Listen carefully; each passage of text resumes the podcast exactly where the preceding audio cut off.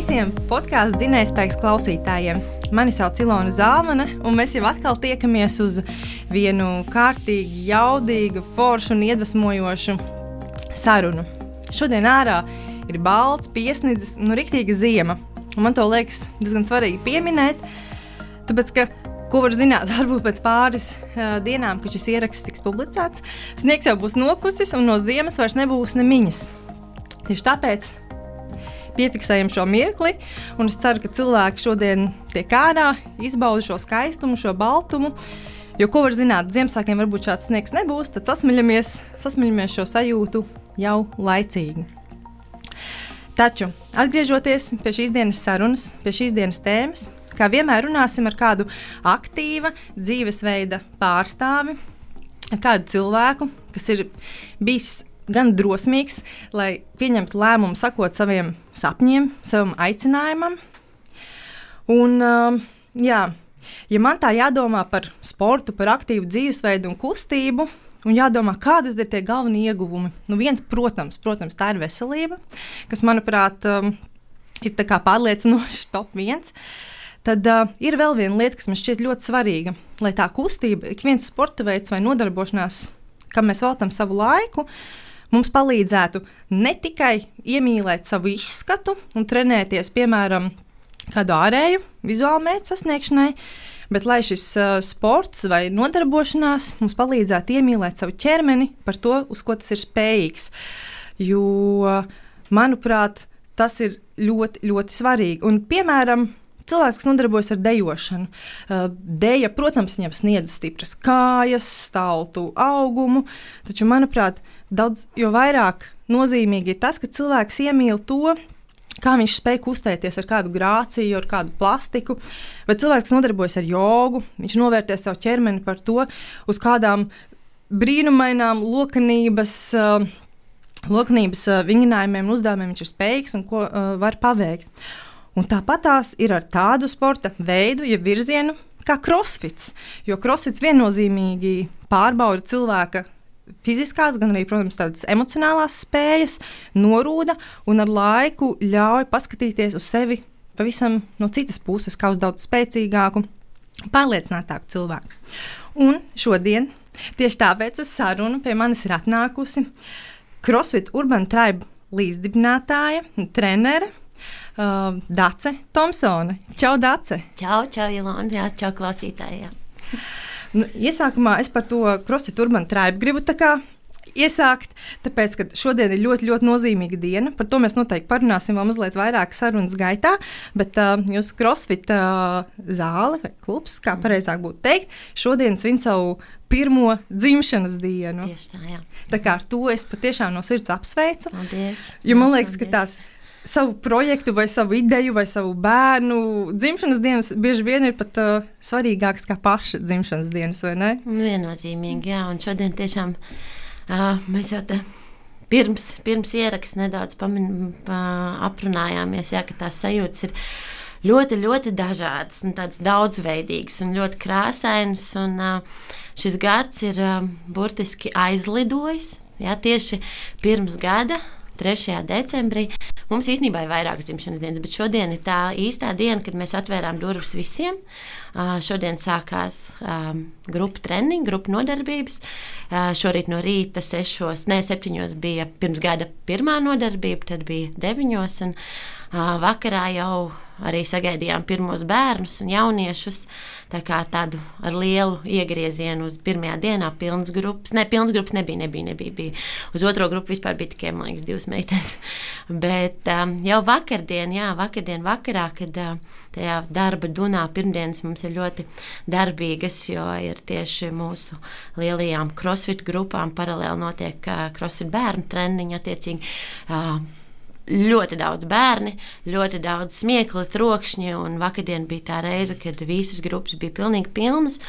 Un tad, kad tu vakarā brauc mājās un tur skaties tādas bildes gan no pagājušā, gan no šī gada, bija tāda, jā, tāda interesanta sajūta, jo pa lielam tu vari atcerēties katru dienu no šī gada, jo tur tu esi kā savā zālē bijis katru dienu.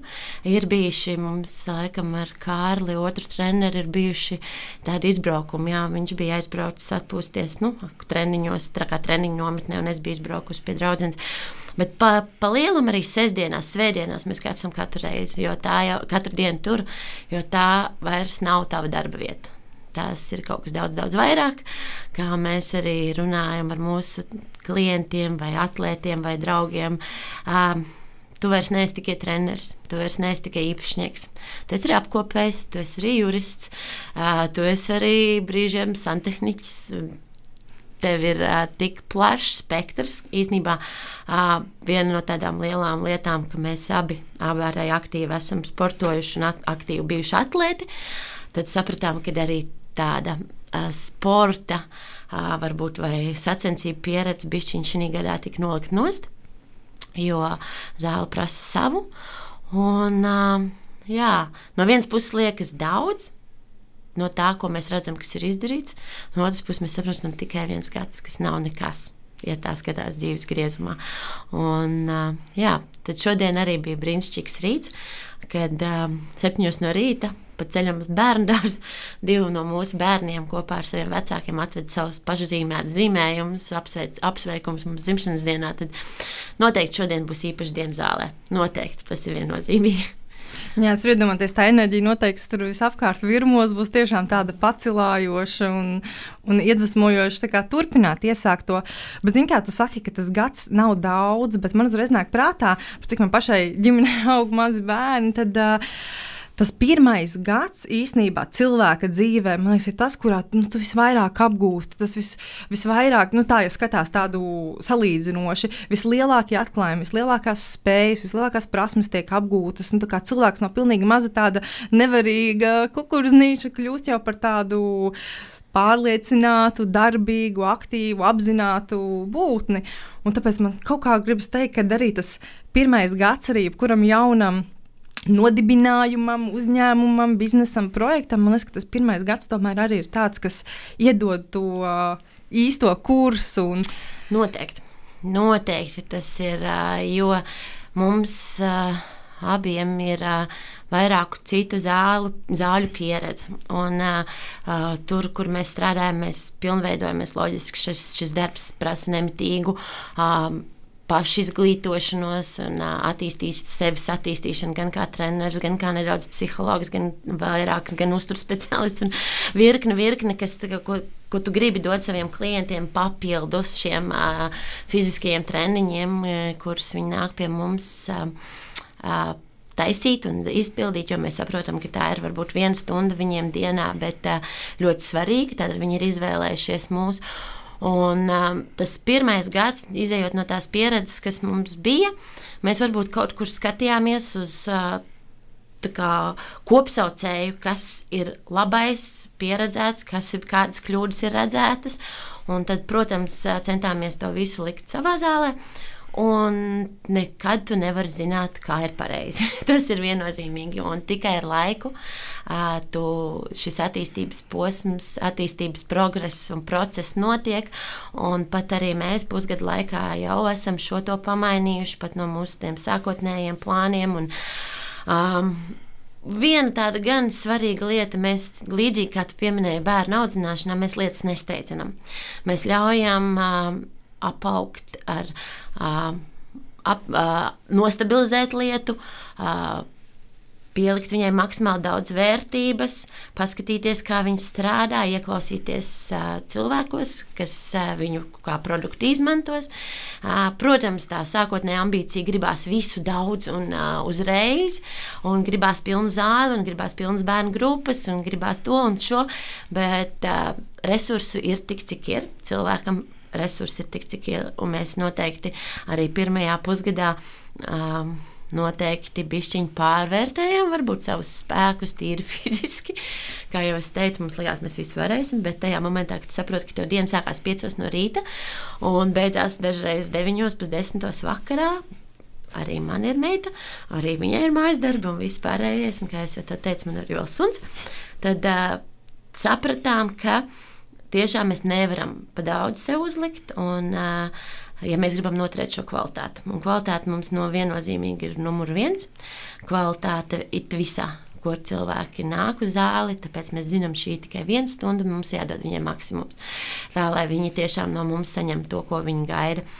Un tad, jā, un tāpēc man liekas, ka īsti tādos lielos zīmējumos, ko mēs gribētu vēl mūsu zālē redzēt, mēs esam tikai pirmajā gadā, un uh, tiešām esam, es gribētu teikt, esam stabili iemācījušies staigāt. to gan es gribētu teikt, esam nostājušies uz kājām, uh, tas ir noteikti. Uh, jau apgūstam jaunas prasmes, kā varbūt jau mēnesi mēs esam, es esmu sadūšojusies un uzsākusi jauno mammu treniņus kopā ar bērniem, tas ir uh, kaut kas īpašs laiks, ļoti īpašs laiks zālē, kad ir šie mazulīši klāt. Un, Un, bet jā, mēs esam arī tieši tajā pirmajā pusgadā, kad mums likās, ka mēs visu varam, visu darām.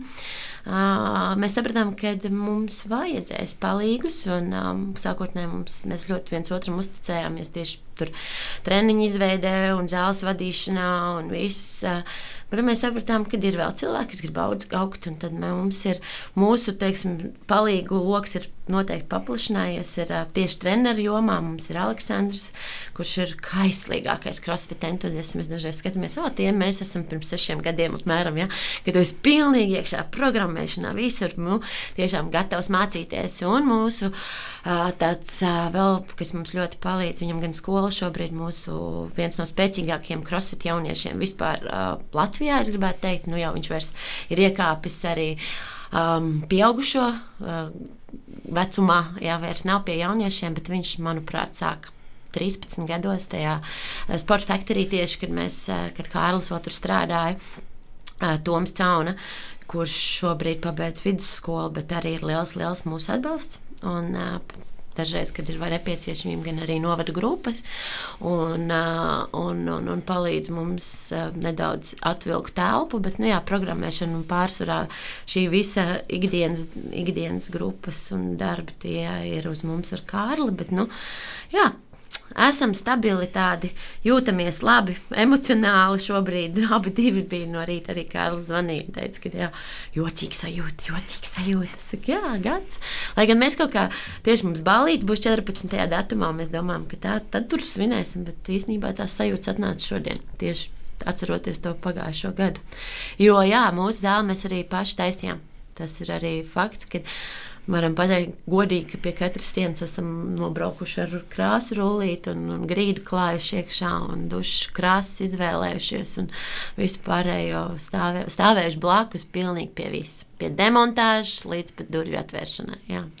Man liekas, ka tā ir tāda nu, īpaša sajūta, tāda, ka tu tiešām pats esi pielicis savu roku. Jo viens jau, protams, ir viegli, bieži vien vieglāk uzticēt kādam citam, paveikt tādas lietas un saņemt gatavu, skaistu, kā dāvanu, pārsēt lielu bantu, tādu perfektu rezultātu. Bet, tā, kad tu pats, kā saka, pie katras sienas tas pielic savu pirkstiņu, tad droši vien, ieejot tajā zālē, tās sajūtas arī ir tādas, nu, kad, kad tu tiešām esi vairāk kā tikai sporta zālē. Tu esi mazliet mājās, un minot to, tu, tu minēji, cik daudz laika jūs treneri pavadat zālē, un cik daudz jūs tur darāt. Nu, ne tikai trenēji, bet arī visas tās pārējās administratīvās un saimnieciskās lietas.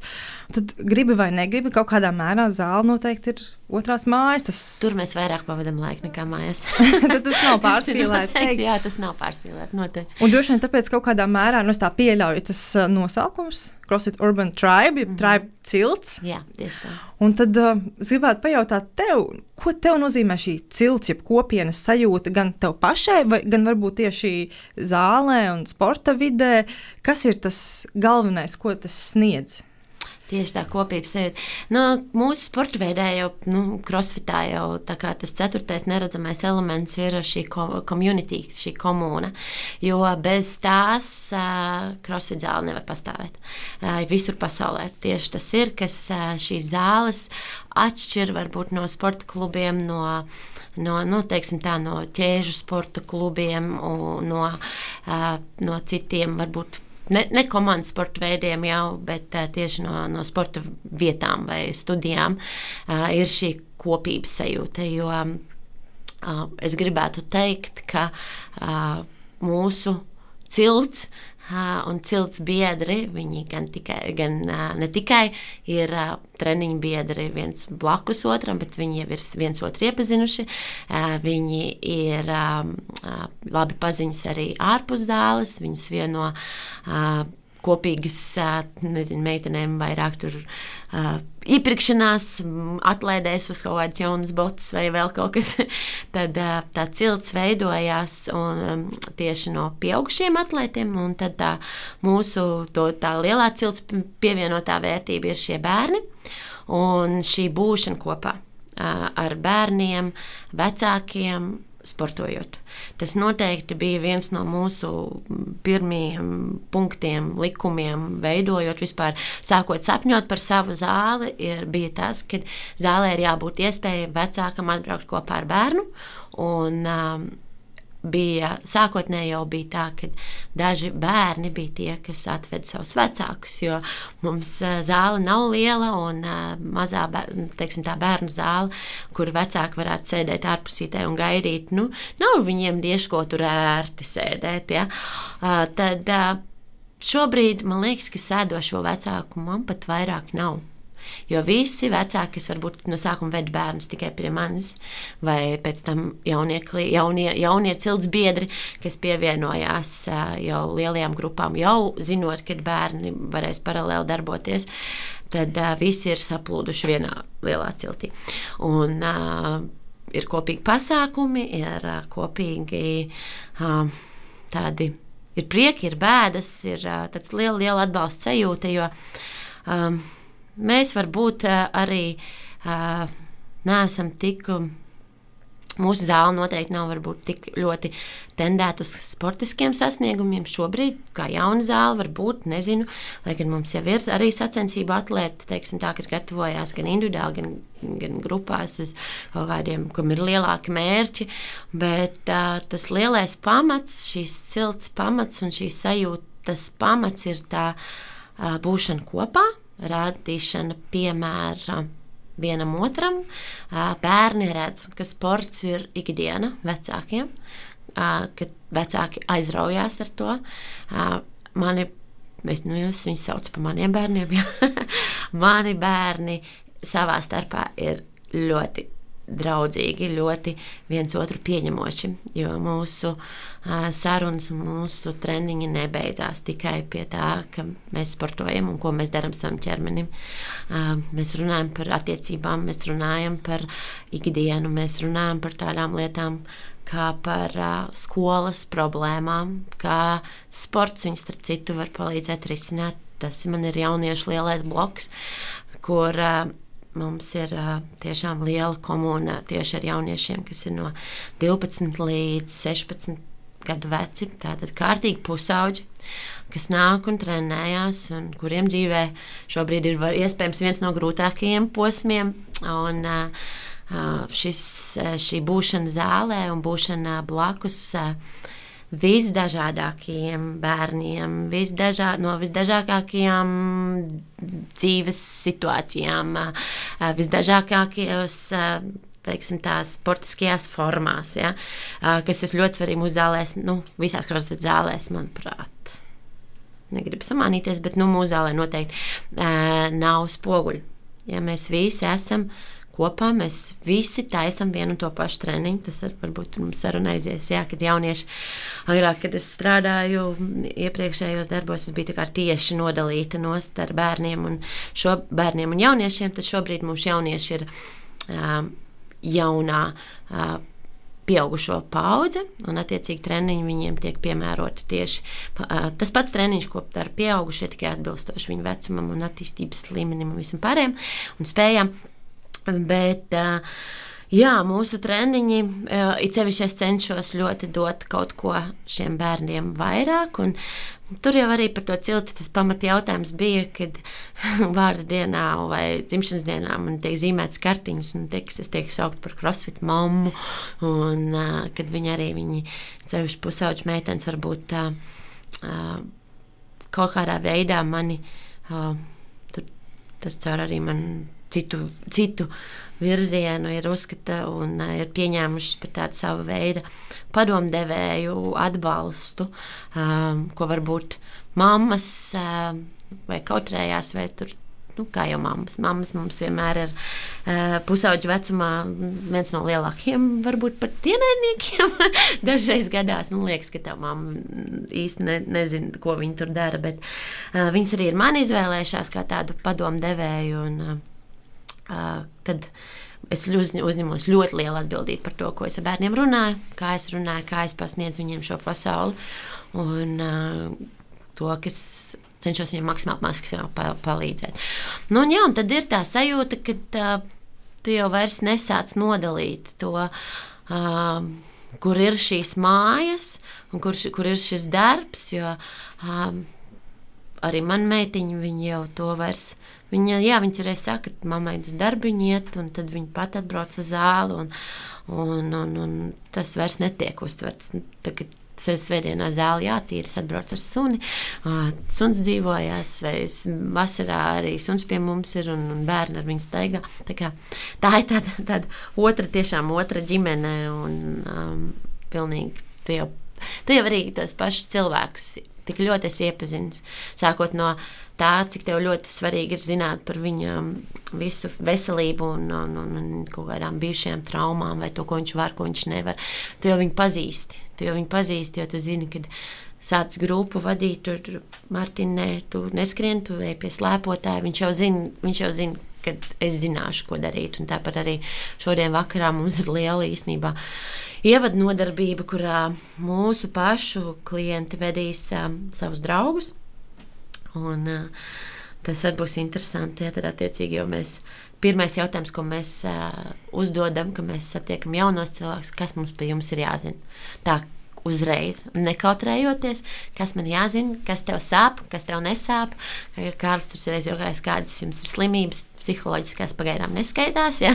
bet tā mēs nerunājam, ja? bet tā, mums ir ļoti, ļoti svarīgi tas, kā tie cilvēki jūtās un kā viņi. Uh, nu, lai viņi no tā, ko viņi, kā jau atgriežos pie tā paša, lai viņi tajā stundā maksimāli gūtu, nenodarot sev neko sliktu. Jā. Es domāju, vai tie cilvēki bieži vien paši īstenībā apzinās tās, nu, kā lai pasakā, problēmas, pat nu, vien slimības, uzreiz dažreiz mm -hmm. problēmas, kaut kādas nezinu, netipiskas sāpes. Jo man tas novērojams, ka cilvēki ļoti bieži, kas aktīvi ikdienā nepievērš uzmanību tādām lietām kā sports, mm -hmm. plus mīnus sabalansēts, kaut cik veselīgs dzīvesveids, viņi. Viņi dzīvo, un viņi pat neiedomājas, ka varētu būt citādāk. Daudzas kaut kādas problēmas, kaut kāda diskomforta, viņi uztver to kā normālu mhm. ķermeņa stāvokli. Viņi nezina, ka īsnībā mūsu ķermenis paredzēts justies labi, svingrs, stiprs un, un sāpes tas nav tāds normāls. Blakus stāvoklis visu laiku. Un... Šeit slēdzās iekšā arī tas, tas mazais psihologs, kas, kas trenerī obligāti ir jābūt. Tā ir tāda mana uh, nākotnes, noteikti nevis nākotnes, nu jau es jau kaut kādu vairāk kā gadu to padziļināt arī pētu, bet vairāk tieši uz jauniešiem un uz, uz, uz, uz, uz, uz, uz bērniem. Jā, ir, ir tāda konkrēta cilvēku grupa, kas tiešām domā, ka ir ok, tā kā es jūtos. Uh, Parasti 90% viņi neizvēlēsies kā pirmo sporta veidu crossfitu. Viņi sāks to savu ceļu kaut kur citur. Viņi sāks uh, Uh, bet, ja sāks, un tas jau šeit es gribu uzsvērt, sāks, tad viņam jau rodas aizdomas, varbūt kaut kur zemapziņā, ka kaut kas nav. Vai arī, labi, es sāku, pieņemsim, tur draugu pamudināts, vai, nezinu, reklāmas iespaidots, vai dāvana karti kādu uzdāvināts, aiziešu šo sporta klubu, un es sākšu. Bet tajā momentā tu pēkšņi redzi apkārt cilvēks, kas varbūt var vairāk, kas var, uh, var ilgāk, kas var. Tu vari mēģināt, bet tev nesanāk. Un tad tu sāc Tas es ļoti ceru, ka viņi sāk uzdot šo jautājumu, kāpēc es nevaru, kāpēc kaut kas man nav īsti kārtībā, vai kāpēc es man nesanāk, kāpēc viņai, nes, viņai sanāk. Un, ja tev trāpās labs treneris, kurš ar tevi var aprunāties par to, Un tu neieej tādās kategorijās, kad, nē, nē, nē, ko tas treneris zina, es zinu visu labāko. Ja tu sāc uzticēties, tu uzticies trenerim, uzticies videi, uzticies savam ķermenim, ka viņš zinās labāk, viņš dos tavus signālus, sāc sadzirdēt tos signālus, ja, ko man liekas, mēs ļoti nedzirdam šajā pasaulē. Tad, tad tu esi uz tāda pareiza ceļa. Jo es noteikti, es nezinu, vai īsti šajā jautājumā tas ietu klāt, bet uh, es noteikti esmu tāda, man, es neesmu kategorisks cilvēks noteikti, un uh, man nav tāda, nav balts un melns savā dzīvē, esmu bijis visādās, gan balts, gan melns. Tieši tāpēc arī diezgan droši runāju par, arī, par pieredzēm arī ar jauniešiem un par to, kas ir kas ir darīts, kā ir sportots, kā ir dzīvots, kā ir ēsts, kā ir. Tiešām esmu pati tur bijusi visur. Un um, šī gadījumā um, esmu pret tādiem, tas gan ir pret, es esmu pret, pret to, ka cilvēki. Uh, uzskata, ka uh, sports vai uh, šī ieklausīšanās ķermenī, pieņemsim, vai kaut kādu sāpju nodefinēšana šobrīd, vai tev liekas, ka es kaut ko nepareizi ēdu un es tagad pamainīšu īstermiņā, ka tad arī viss būs kārtībā, vai kaut kādu tādu īstermiņa pat, tas īstermiņš priekš manis pat ir gads un divi gadi, tas ir īstermiņš, ja tu nospraud nogrieznim gala punktu, nebūs. Nekas nesanāks. Jebkurā dzīves jomā, sports, jebkur. Ja tu noliksi traknu punktu, kad nonākot tajā punktā, ar mani viss būs kārtībā, es būšu vesels, vai es būšu supertīvs, vai man būs astoņi miljoni, vai man būs vēl kaut kas, vēl kaut kas, vēl kaut kas. Tu jau sākotnēji esi nu, pa, kā, ieprogrammē sev, ka nesanāks. Bet to saku pēc pieredzes.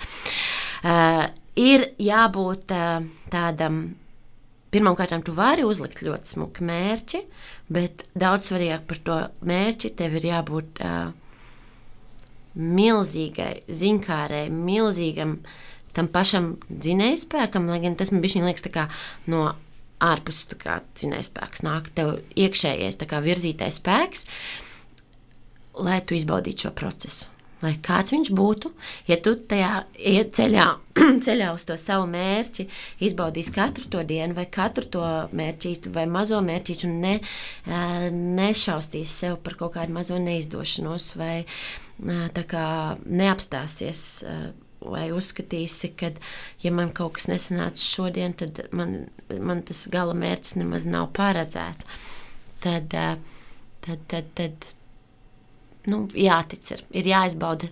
Ļoti, ļoti, man tas ir ļoti svarīgi, ka process. Process ir tāds, un tāpēc arī mēs vakardien skatījāmies, ka īstenībā tie cilvēki, kas ir atnākuši pie mums, kas ir atnākuši, kas ir izgājuši to arī ievadu kursu, Viņi ir palikuši. Un viņi ir palikuši. Mēs, mēs ļoti centāmies tieši šodien viens otram pateikt, kuru mēs atceramies cilvēkus, kas ir izgājuši ievadnodarbības, kuri nav palikuši. Mums tās ievadnodarbības nav bijušas tik daudz, man liekas, kaut kādas septiņas vai astoņas. Tad, attiecīgi, jā, tad, ja, ja viņi jau gadu vairāk vai pusgadu ir pie mums, tad mums tā, tā, tā, tā, tā, tas virziens ir diezgan, mūsuprāt, pareizs. Un, protams, ir meitenes, arī cevišķi meitenes, kas atnāk un tad atnāk janvārī un pasaka, mēs gribam, es gribu vasarā mm, superķermeni. Um, uz to, protams, mēs sākam strādāt, bet uh, it sevišķi, ja viņi strādās individuāli ar mani, mums būs daudz visādas sarunas.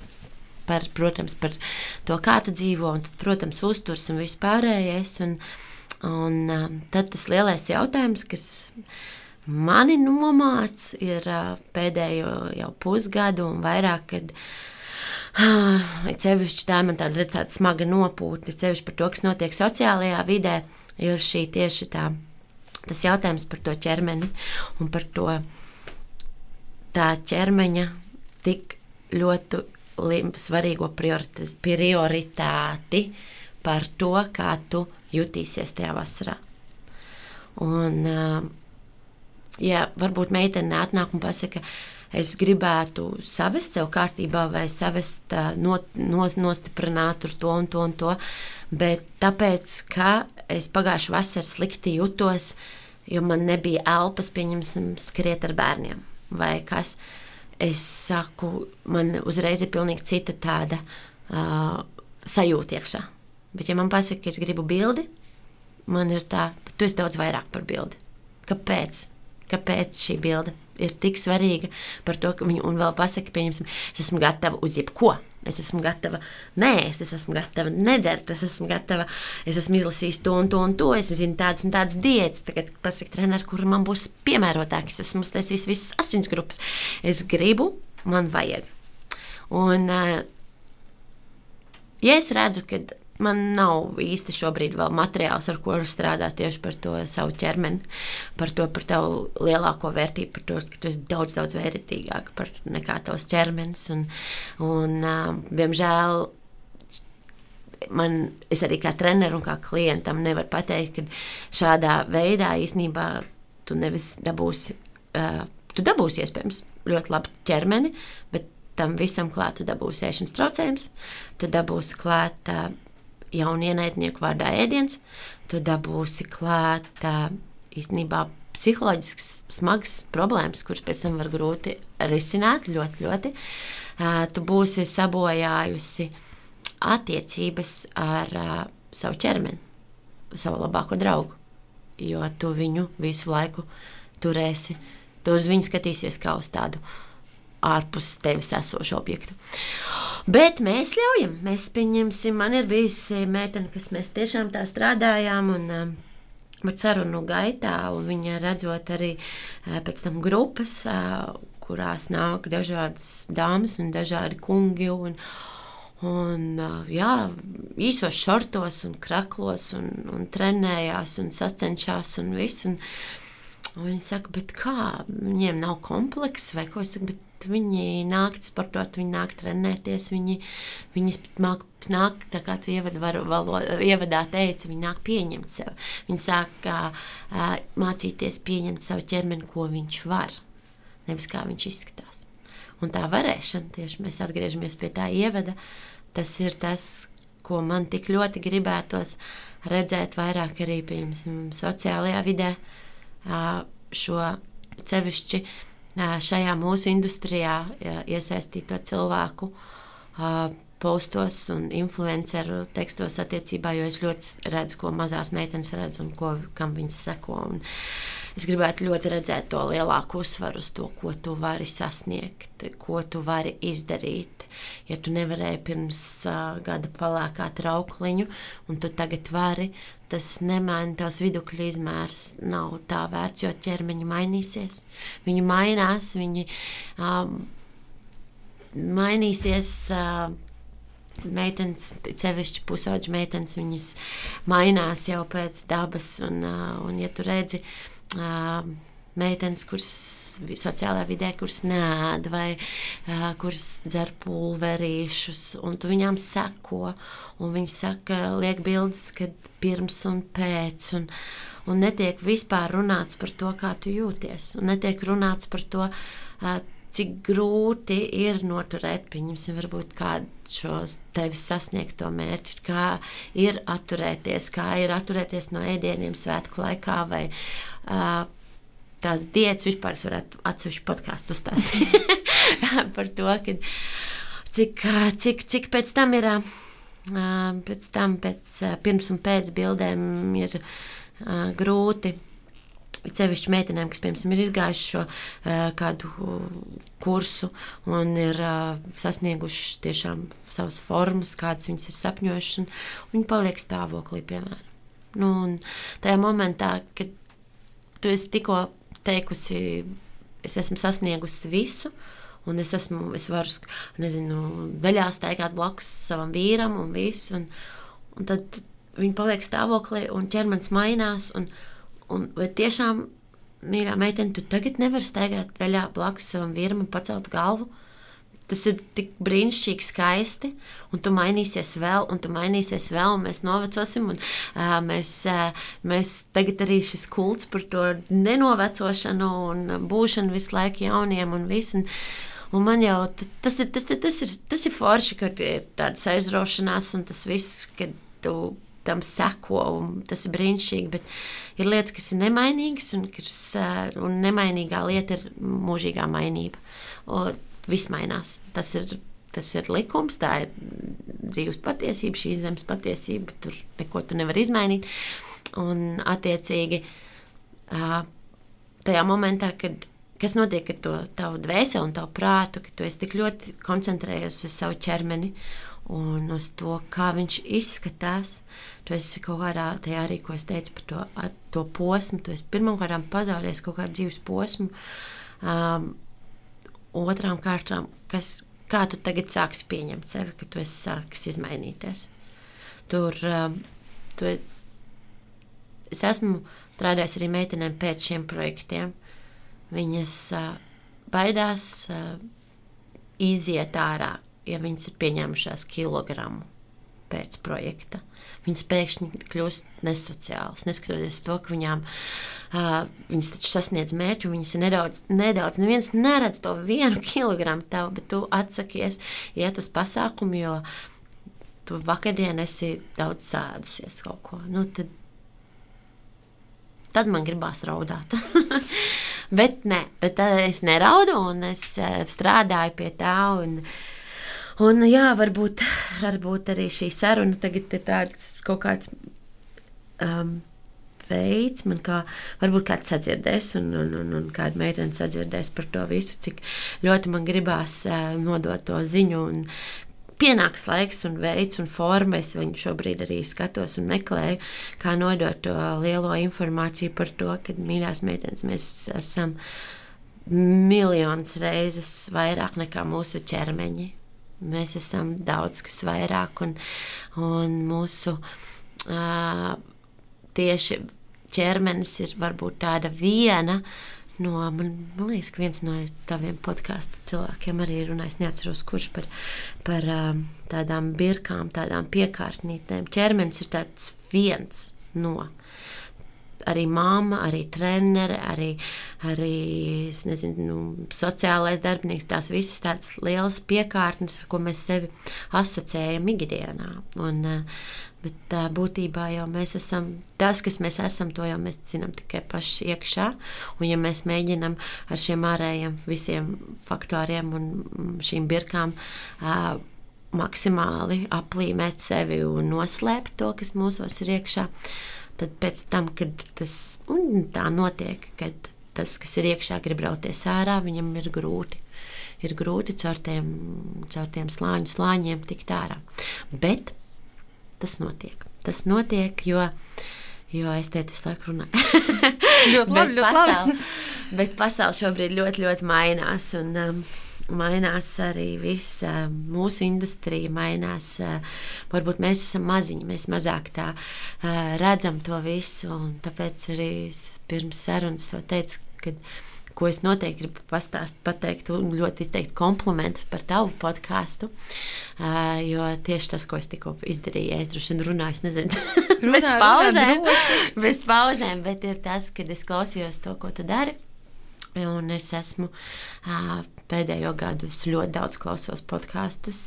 Man ir, ir podkāsti, kurus noklausos vienu, divas sērijas, un es saku, nebūs. Jo tur es sadzirdu tieši to vadītāju, kā, kurš ir ieņēmis pozu. Viņš savus intervētājus aicina apstiprināt savu viedokli.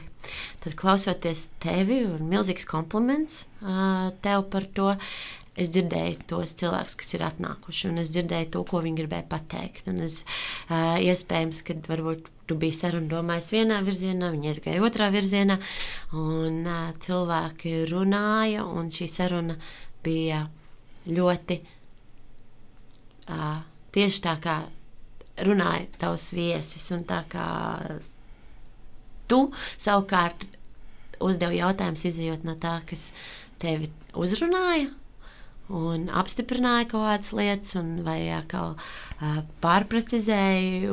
Tas, tā, tas, ir, tas ir tavam podkāstam ir nākotne, jo attiecīgi cilvēki grib dzirdēt cilvēkus un uh, būt uh, sadzirdēti un saredzēti.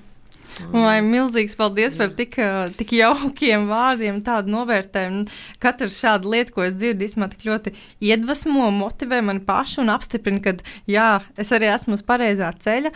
Man jau liekas, ka tā atslēga ir tāda, tomēr, ka visi cilvēki, ko es aicinu, nu, visi, neviens nav nonācis nejauši vai tāpēc, ka ķeksīša pēc, jo man vajadzēja palaist jaunu epizodi. Varbūt tāpēc arī mans podkāsts nav pats teiksim, tā, regulārākais grafikos, bet es vados pēc tā, ka ir cilvēki, kas man paši ir uzrunājuši. Ka kaut kas ir, kaut kas ir kaut kāds klikšķis bijis, un tas viņu redzējums, vai tas, tas, ko viņi dara, kaut kas mani ir pavilcis. Man ir bijusi iekšēji tā sajūta, es gribu no šī cilvēka uzzināt vairāk, mazliet dziļāk piekļūt tam viņa stāstam, tam viņa messagam, ko viņš vēlas nodot. Un tāpēc varbūt arī tā kā, ir tā, ka īstenībā nav bijušas tādas pretrunas, bet um, Jā, es vienmēr priecājos, kad cilvēks nāk un stāsta un dalās. Un nevis man ir jāiet un uh, kaut kāds savs, savs redzējums, viedoklis jāuzspiež, bet es ļoti, ļoti priecājos, kad arī tu to esi pamanījusi un par šādu atzinību.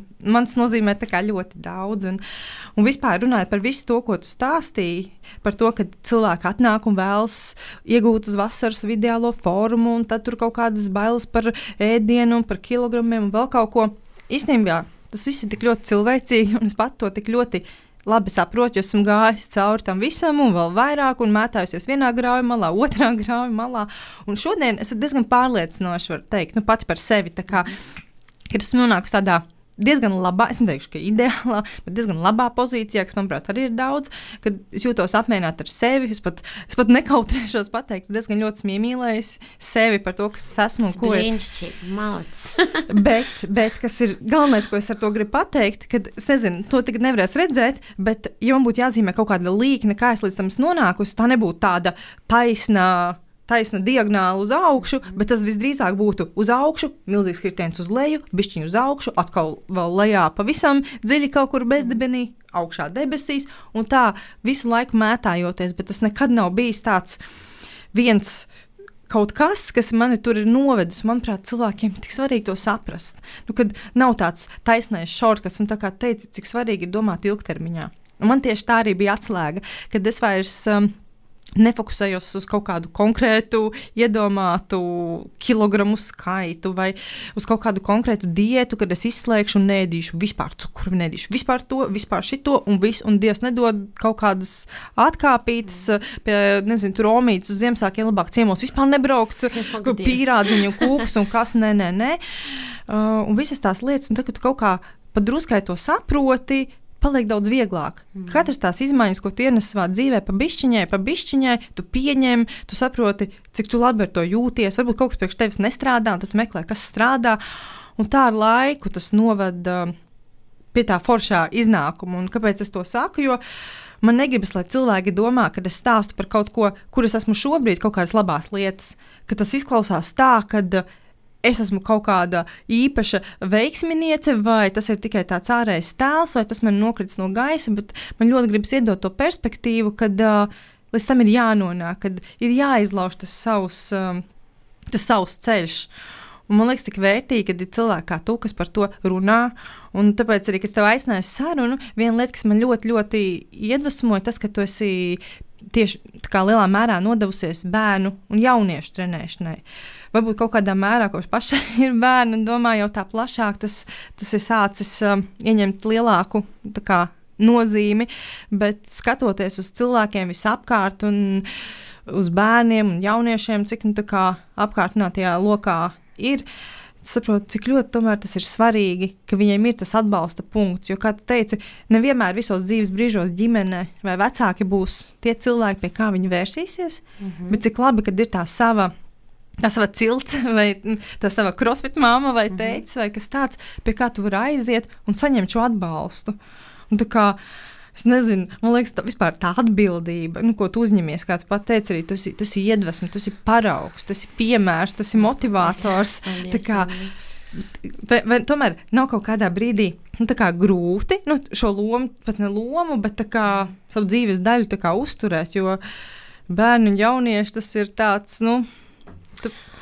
Šeit ir cik brīnišķīgi, ka man pilnīgi zosādi noskrēja pāri. Tiešām un tās ir tās sajūtas, man, kad, tad, kad zosādi noskrēja, tad tas ir īsti. Jā. Uh, tas, ka bērni un jaunieši ir manā dzīvē, es gribētu teikt, tā ir tāda uh, liela likumsakarība. Un uh, visa mana uh, teiksim, tā krāsainā un raibā dzīve pat līdz nogrieznim, kurš sākās, kas sākās tieši saistīta ar trenēšanu un ar sportu. Lai gan ar sportu es esmu bijusi saistīta jau no pašas bērnības, esmu bijusi peldētāja. Nemaldos, manā mamā teica, divos gados es sāku peldēt. Nu, tad arī daudz, daudz, ļoti daudz gadus, līdz pat pusauģu gadiem es nopeldēju tieši trenējoties profesionālā peldēšanā.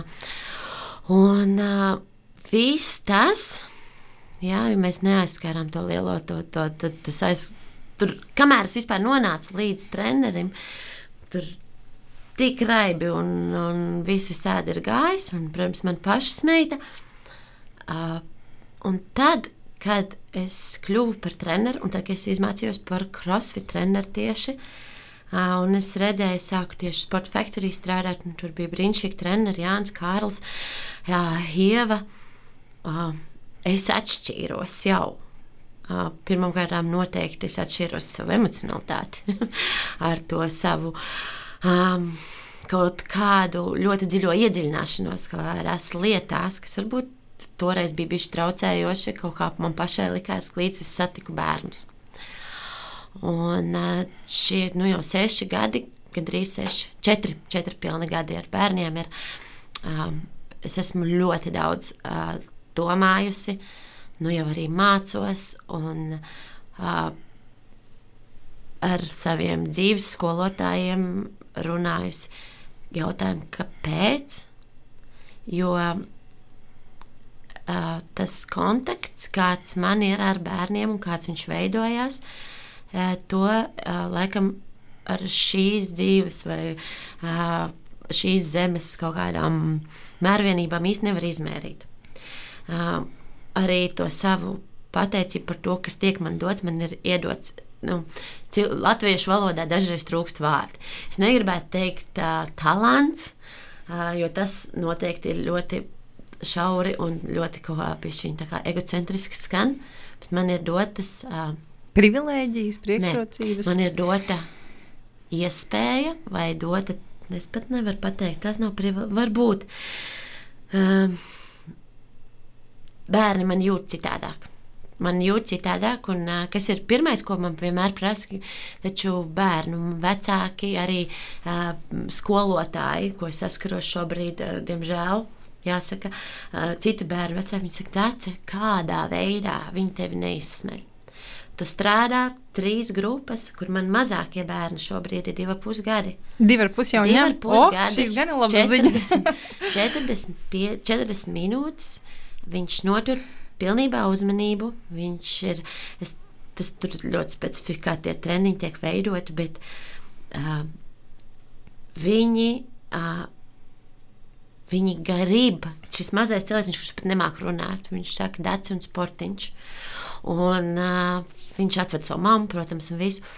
Viņi man uzticās, un tā liela atbildības sajūta, uh, kad es skatos ar viņiem, strādāju ar viņiem.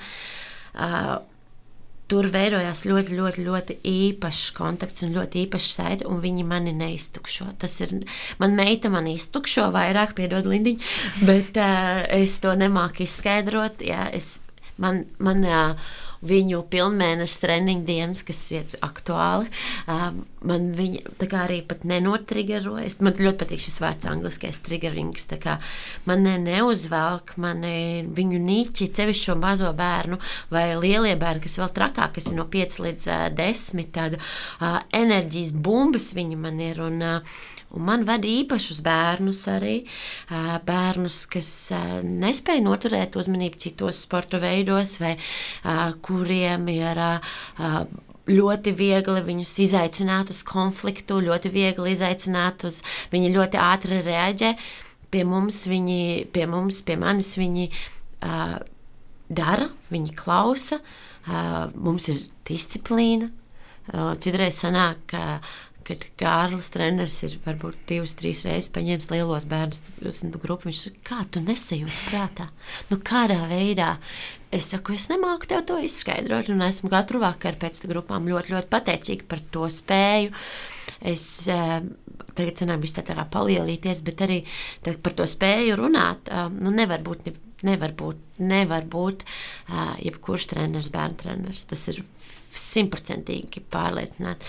Es vadu bērnu balītes, kurās zālē es savācu kopā 24 bērnus, kas pa lielam ir klase, kas ir dažādi, kam ir dažādi temperamenti. Un mēs caur to spēli, kas ir crossfit bērnu pamatā. To noteikti jāpasaka ir arī klausītājiem. Nedomājiet, es nelieku viņiem celt svaru stieņus, un, un uh, tur pārsvarā mums ir spēle, savstarpējā sadarbība, sākumu beigu saprašana, uh, laiku atskaišu nodefinēšana, kurā vietā zālē tev ir jābūt, kur ir kārtība. Un pat, jā, pat ir brīži, kad es viņas cerēju, saka, tāda acis balss bija. Nu, tā tāda acis bija. Nu, kad ir, ir, ir dusmas, ir sevišķi man ir ļoti dusmas, kad sāk viens otru aizskatīt bet mums ir tāds uh, uzvedības treniņš. Tā kā es pasaku, trešdien viss būs uzvedības treniņš. Nu, jā. bet tad viņi sāk runāt, jo mēs uzvedības treniņos parasti iepinām iekšā situācijas no dzīves, no skolas, no kur kāds ir kādu aizskāris, kur kāds kādu vārdiski apvainojas. Un, un attiecīgi tas vairs nav tikai par to, ko kāds izdarīja treniņā vai nu, tas, tā, to mēs mēģinām iepīt arī ar dzīvi kopā. Un, jā, un šī, šie bērni, kāpēc es turpinu par bērniem, es saprotu, ka šis nav beigas. Šie bērni, sporta bērni, nav tas, ar ko teiksim, tā, man, man saskarsme ar bērniem beidzās. Jo redzot šo milzīgo, arī tagad ar bērniem, tas arī ir maģiski viņus turēt rokām zālē. Droši vien šodien, tagad speciāli, kas pateikšu, tad būs bļaušana, raudāšana. Bet um, zālēs tajā brīdī ir klusums, un mēs, mēs pa, ar Kārliku pa laikam arī kādu paņemam opā un tur staigājam, kamēr mammas trenējās, un īstenībā viņi socializējās. Un, uh, jā, šie bērniši guļot tur, viņiem ir iespējams pirm, tur viena meitenīte pirmo reizi tādu pašu ierauga. Un, uh, viņai ir liels acis, viņa nav nekad, tikko apvēlusies puņš. Un, Tik maziņa jau tur. Jā, jā, mammas, mums tik līdz mammai ir atļauts nākt trenēties tā, Bēbi, mēs jau sakām, ka tā ir iespēja mammai trenēties paralēli. Mēs ne, netaisām vingrinājumus ar bērniem, mm -hmm. to es nemāku. Bet es eh, īstenībā šīs eh, pamata mammas, un arī kāpēc es sadūšojos, jo šīs mammas bija grūtnieces, kas pie maniem trenējās. Jā, grūtnieces arī var ieteikt. Grūtnieces nodarbojas ar crossfit, un šobrīd oh, viss atķer galvas. Nē, četras mammas, piecas mammas man ir, kur, kuras ir tagad, eh, kuras trenējās kā grūtnieces. Un uh, viena mamīte, man to draudzene ārzemēs šobrīd trenējās un dzīvo un ar crossfit nodarbojās. Un pamats sastāvs ir mammas, kuras bija grūtniecītas, kuras nāca. Tagad ir doktori devuši zaļo gaismu un viss, un ar saviem bebiem ir klāti pie mums. Un, un, un tā ir tāda arī ļoti laba sajūta par to, ka sagaidījām un turpinām darboties. Jā. Un, jā, un tur atgriežoties pie tiem bērniņiem, jā, un pie tā kontakta un pie tā, pie tā visa, ko es viņiem varu dot, ir tas, ka uh, es ļoti daudz šobrīd saskaros, ir sevišķi pusauģos, un man mazais pusaudzīts mājās 11 gadi. Es tieši ļoti padziļināti gribēju saprast. Viņa ir ļoti emocionāla un brīnišķīga meitene. Un, Un um, tieši saprast to nākošo posmu, kas mūsu mūs, kā mammas un meitas attiecībās mainīsies noteikti un kā būt, kā būt labākai mammai, kā būt labākai trenerei. Un pavisam nonācu tieši pirms, jā, pirms šīs vasaras, kas bija pie brīnišķīgas savu skolotāju. Tāda man ir doktora Šefalī, klīniskais psihiatrs, diezgan puh, pārlicām vienā citā grāvī, ja? bet tā, tā ir par apzinātu bērnu audzināšanu. Un tur nav noslēpumu nekādu citu, un es sapratu to arī uh, savu laikam noslēpumu, uh, kāpēc es uh, varu ar bērniem strādāt, un uh, man veicās, tā kā veicās, un ir, uh, es esmu klātesošs. Šis vārds klātesošs, kas ir uh, pazudis arī un pa, bišķiņ pazūd mums uh, mūsu ikdienā. Mēs uh, esam kaut kur citur. Mēs esam vai nu domās par nākotni, vai no doma, nākošajās rūpēs, vai kur mums jāizskrien, vai kas mums jāizdara, vai mēs esam kaut kādos bagātnes pārdarījumos, kaut kādos aizvainojumos, vai saistam nākotni kopā ar pagātni, mēs neesam klātesoši tieši šajā mirklī, tieši tagad. Un tas ir tas, ko pat pie lielākiem kaut kādiem nogurumiem, varbūt pie kaut kādas uh, apstākļu sakritības, es katrā bērnu treniņā, ceļšķi ar mazajiem bērniem, esmu klātesošs. Es esmu viņiem, un ja viņiem, es redzu, ir galīga diena, kad nebūs. Vai uh, viņu māsīņas atbraucot uz treniņu, ir sastrīdējušās vai gulējušas tikko. Būt viņam blakus, redzēt viņu, dzirdēt viņu, uh, saprast, ko šī mirklī viņš ir gatavs darīt, ko viņš nav gatavs darīt, nevadīties pēc iespējams pēc tās savas programmas, kas man ir uzrakstīta, bet būt viņam tajā mirklī. Un, un tad arī īstenībā labākie rezultāti nāk. Tas arī ir tāds mazs noslēpums, jo tajā mirklī, kad tu dzirdi viņu, un kad tu redzi viņu, un tu neesi nekur citur, kā, gan kā vecāks, gan kā treneris, notiek brīnumi, tiešām man, brīnumi. Bet man liekas, ka tas ir ne tikai par bērniem, bet to var attiecināt vispār uz jebkuru dzīves jomu. Pilnīgi. Pilnīgi. Un kaut kā visu laiku tajā skrējienā, un daudziem man pašai dažkārt liekas, ka tāda klātsamība, tāda, nu, tāda pilnīgi mhm. simtprocentīga, mm -hmm. ir īstenībā beigā greznība. Nu, mm -hmm. Tā, tu atļauties, ka tas ir kaut kas tāds, wow, jo visur multitaskings darīsim, mm -hmm. to darīsim, šito būsim vēl efektīvāki, mm -hmm. jo tu vairāk vari vienlaicīgi izdarīt, jo tā kā, nu, pēc būtības tā labāk, mm -hmm. nu, vairāk ir izdarīts. Bet tagad tu apstājies un tiešām nododies kaut kam vienam, tā kā tu sāki. Kvalitatīvāk izdarīs visu to darbu. Tas Ru ir viennozīmīgi, nekā tu darīsi trīs maziņas darbiņus paralēli. Un arī tie, man liekas, tieši emocionālā ziņā, tā kā tu saki, tad vieta, mm -hmm. kur notiek tie brīnumi, ka tu tiešām beidzot mm -hmm. izbaudi to procesu, saproti, neesi tā kā mašīna, kas vienkārši dara, dara, mm -hmm. dara, lai sasniegtu kaut kādu konkrētu nezinu, rezultātu. Tieši tā, tu esi tajā mirklī, tu dari to, ko tu vari. Un arī, ko es arī vienmēr arī bērniem un arī pieaugušiem grupās, arī, arī ikdienā dzīvē, draudzenēm esmu teikusi. Nu, Mēs neesam, mēs neesam roboti. Mēs nevaram izpildīt šajā mirklī visas funkcijas, iespējamās, ko ķermenis var izdarīt. Mēs nogurstam, mēs vienā mirklī varam vairāk, mēs nākošajā mirklī varam mazāk. Mums jāspēj pieņemt tādus, kādi mēs esam tieši šajā mirklī, Un nākošajā mirklī viss būs atkal mainījies un būs atkal savādāk.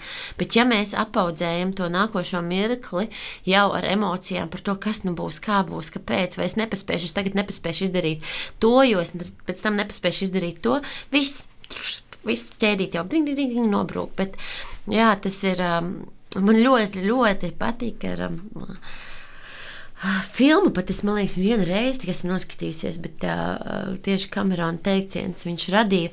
Viņš pats ir gan uh, milzīgs uh, James Kamerons uh, režisors, viņš ir uh, liels uh, ateists un vispār tādā, ir kā stāsta, kas uh, tā, tādai garīgajai, lai gan man vārds garīgā pasaule liekas bišķiņ šaurs, ir tāds anglisks, protams, spiritual, ir bišķiņ plašāks, liekas. Uh, viņš ir radījis tādu uh, tieši no filmas Avatars uh, brīnišķīgu teikumu, kas nav nekas tāds. Viņš teica, I see you.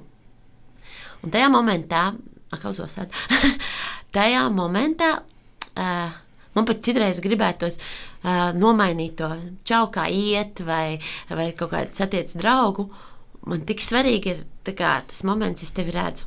Es esmu te, es esmu un es esmu klātesošs.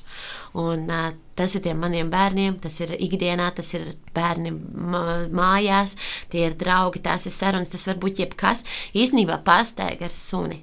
Vienalga. Tas ir tāds īstenībā labs treniņš. Um, būt klātesošam, jo tajā momentā es varu kā, es domāju, ka kāda, kāds sadzirdot, pamēģināt uh, būt klātešos tieši šajā mirklī, uh, tev pavarās vairākas kā, iespējas, vairāki ceļi, tu atbrīvo savu enerģiju uz tām lietām, kas tiešām ir jādara. Nevis, piemēram, tevā multitasking sarakstā ir astoņas, bet ja tu šī mirklī nokoncentrējies uz sevi, uz to, ko tu dari, pat ja tā tiešām staigā ar suni vai tu dzer kafiju vai ko, to no iekšā. No tevis atnāk tā pirmā lieta, kas ir jāizdara nākošajā solī. Un tad, kad tu pišķiņi tā kā patrenējies un sāc saprast, oi, tas strādā. Un tā, kad oh, tiešām brīnumi. Jā, tā dabā ir brīnumi. Un, tas, tas ir tas, ko noteikti es praktizēju, praktizēšu, un attiecībā arī uz to klātesošo vecāku būšanu. Tik, tas viss ir tik ļoti, ļoti vienkārši un tik ļoti. Uh, ļoti dažreiz skumīgi, sevišķi arī savos bērnos, par skolu vispār nerunājot. Savos sporta bērnos, lai gan man nav tāda, nevarētu pat uzreiz tā prātā neienākt bilde, redzēt to, ka bērni uh, kļūst par tādiem uh, vecāku nepiepildīto sapņu objektiem. Uh, kad vai kaut kādām mamma atved meiteni, pusauģu meiteni, pasakā, taču tāds redz, viņa tāda resna. Tā ir bijis, kad kāds vecāks tā jā, arī atved? Jā, jā. Un uh, neko citu mēs negribam muskuļus, mēs negribam uh, neko tādu, bet uh, nu, tā riepa viņa, es jau viņai dodu salātus un to, bet viņa neko, nu, tā, ka. Um, Šito dziļi man, man gribas uzsist bišķīgi, vai nu dūris galda vai asaru nobirt. Nu. Uh, tāpat, bet tas ir, tās ir meitenes, piemēram, jā, puiši, puiši, tēti vēd, puisi, tur skaidri redzams Viņš nebūs sportists, mīļais tēti. Viņam interesē zīmēt. Viņš, viņa atnāk kopā ar māsu, māsa skrien, lec, karājās, viss puisis stāv pie tāfeles ar krītiņiem un zīmē. Nu, nē, es gribu viņu vest futbolā, pasties, kā ar viņam liekas kājas, kāds viņam tas, viņš, viņu, un viens bija, bija tā, tā, es varu teikt, es tieši man otrs treneris Kārlis arī to dzirdēja. Tas bija ļoti sāpīgs moments, bet, diemžēl, mēs ar to vecākiem vēl arī bijām parunājuši. Viņš teica, pasties, tam puikam, pasties, kāds tu esi memļaks. Nu, māsas teica, to tētis pasaka. Un uh, tos vārdus jau, diemžēl, vecāki ne. Un tas ir tas lielais stāsts, kad uh, Un arī es sevi neielikšu noteiktajā pareizo vecāku sarakstā, jo es sapratu, ka es sāku sajust, ka man tīnīts aug un es sāku kaut ko darīt nepareizi, jo mēs sākam pēkšņi mazāk runāt, mēs runājam ļoti daudz un viss. Un tāpēc arī pirms gada, tas bija Linducim tikai desmit gadi, bija, es sapratu, nē, nē, nē, nē, nē es negribu, es negribu uh, pieļaut uh, kaut kādas, es nerunāšu pat kļūdas, es, es gribu saprast, uh, kā viņai palīdzēt to grūto procesu izdzīvot. Tikai kā lai es viņai varu palīdzēt vēl. Un, diemžēl, jā, vecāki mūsdienās, es noteikti nesaku, ka visi, bet ļoti liela daļa izdzīvo savas bērnības, jāsaka, šis skarbais vārds traumas uz bērniem. Ir sevišķi tā mūsu paudze, šobrīd, kad bērni ir pusauģi. Uh, Mēs esam auguši ļoti jocīgos laikos, ka mūsu vecāki darīja, kā viņi zināja tajā laikā labāk. Man arī šis var patīk. Viņi zināja, viņi darīja labāko, ko viņi zināja. Bet viņi daudz ko nezināja. Un uh, sevišķi, ja tie bērni ir bijuši sportos, un uh, mēs, mēs esam ļoti traumēta paudze. Un, uh, tajā momentā, kad mēs apzināmies, protams, šīs mūsu traumas, tas ir tieši šī, šīs manas skolotājas, dr. Šifalī teksts, diemžēl, lai cik tas skarbi nebūtu, bērni nāk pie mums, lai mēs, lai caur viņi mums parādītu savas traumas. Lai viņi, jo mūs, mūsu bērnos, teiksim tā, vai pat uzvelk, kaitina, ir sevišķi jau no mazotnītes.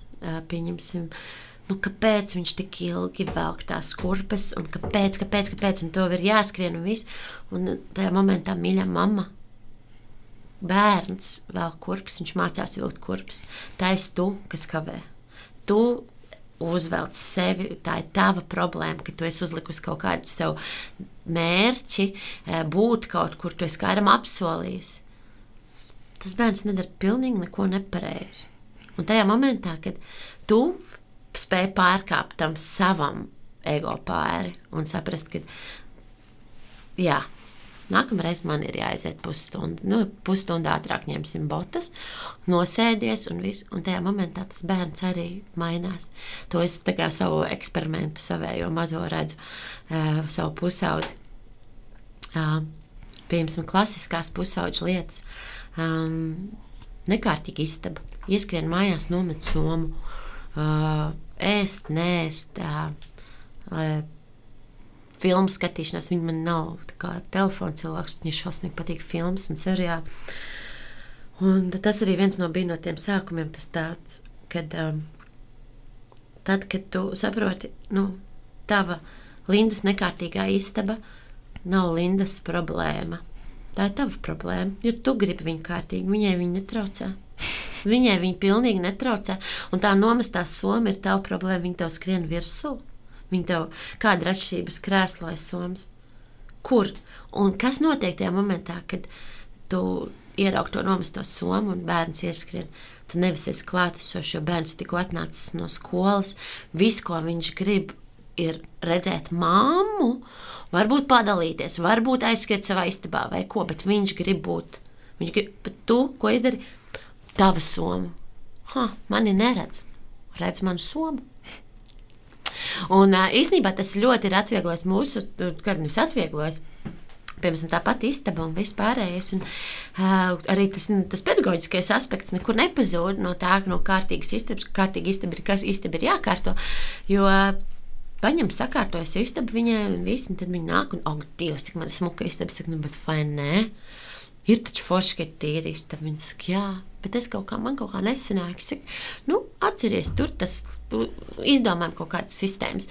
Izdomājam, ka tev varbūt ērtāk ir, ka nevis tur drēbes met zemē, bet nopērkam trīs grozus, tur balts, krāsains, melns un viss. Un tas aiziet. Un vien pa mazai tādai lietiņai, ja, Un tajā vakarā, kad tu sēdi un ka viņa atkal viņa atskrien pie tevis, viņa saka, māma, es gribu to pastāstīt. Tu kaut kas ir labi, nu, kaut kas atkal notiek pareizi. Ja?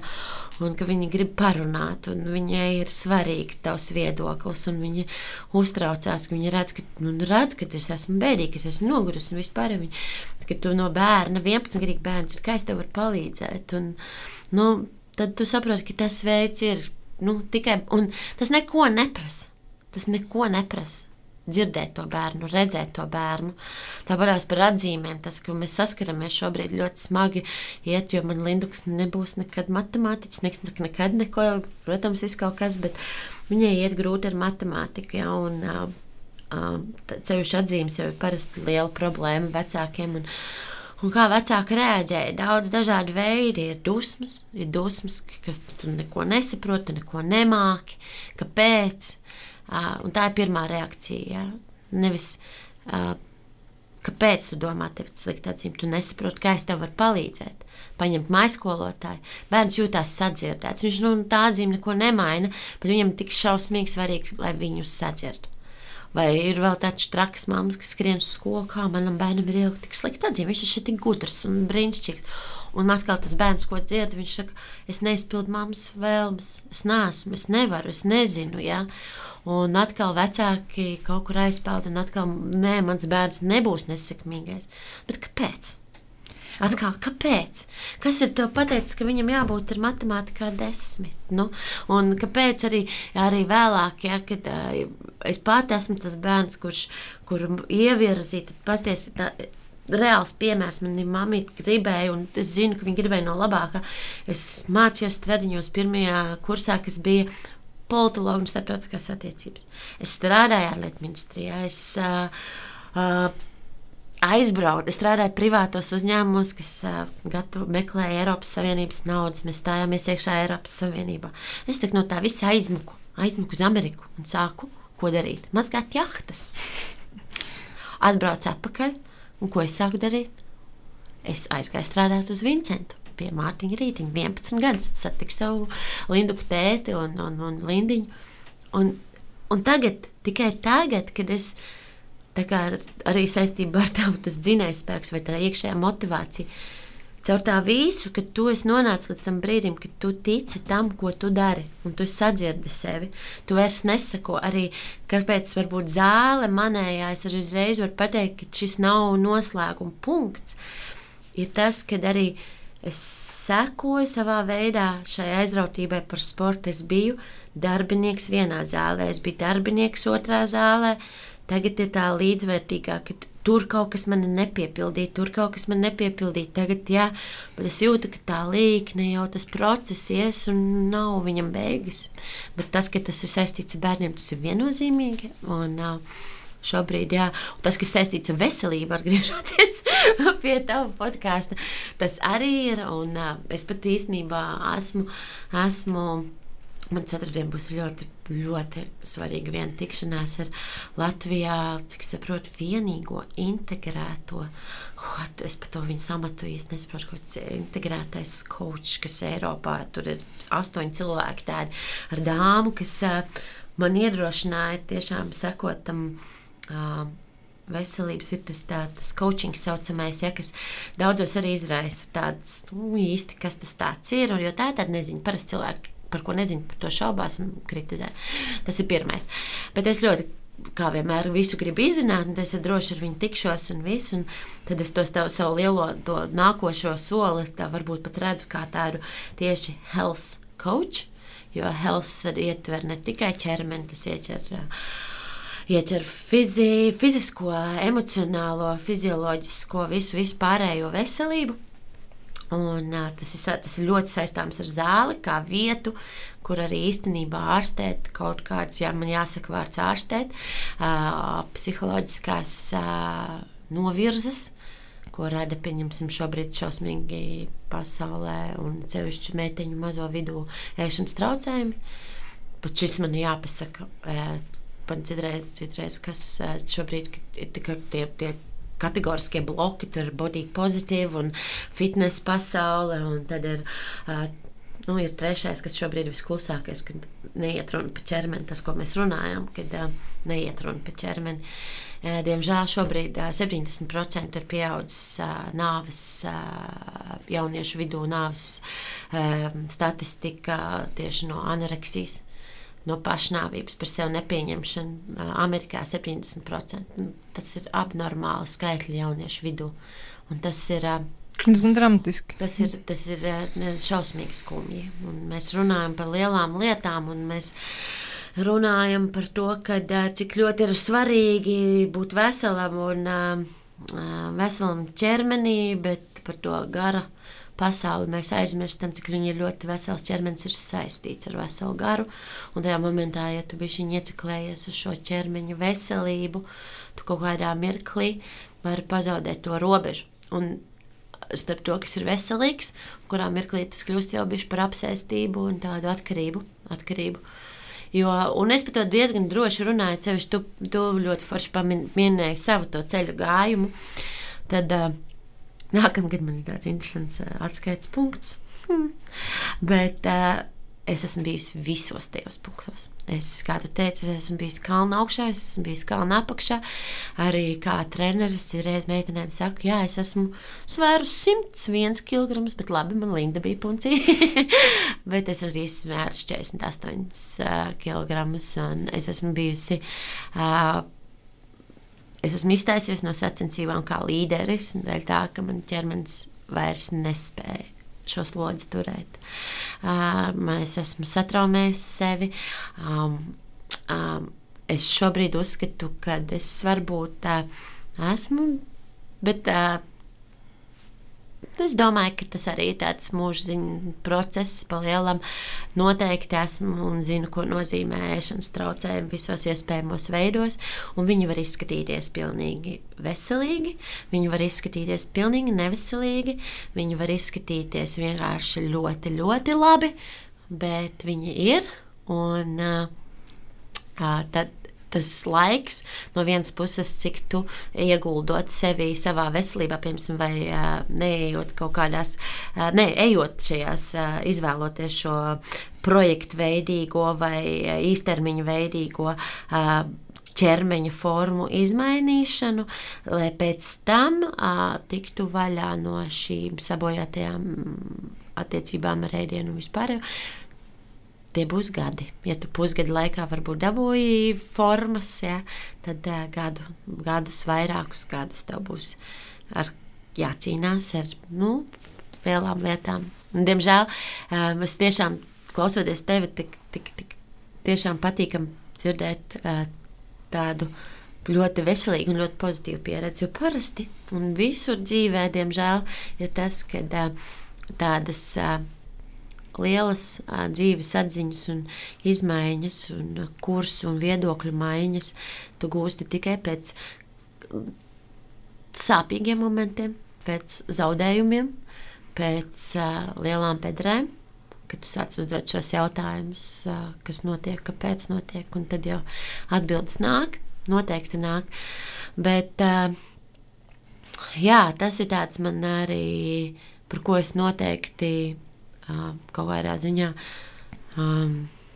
Neiet runa pat par kaut, kaut, kautrēšanos vai kaunēšanos, ir tāda uh, lietu kārtība, ka tu esi tur bijusi, tu droši runā par tām sajūtām, vai tu dalies ar viņām, ar cilvēkiem, kas atrodas kaut kādās kritiskās vai uz robežas, vai, vai kuriem ir vajadzīga palīdzība, kas baidās.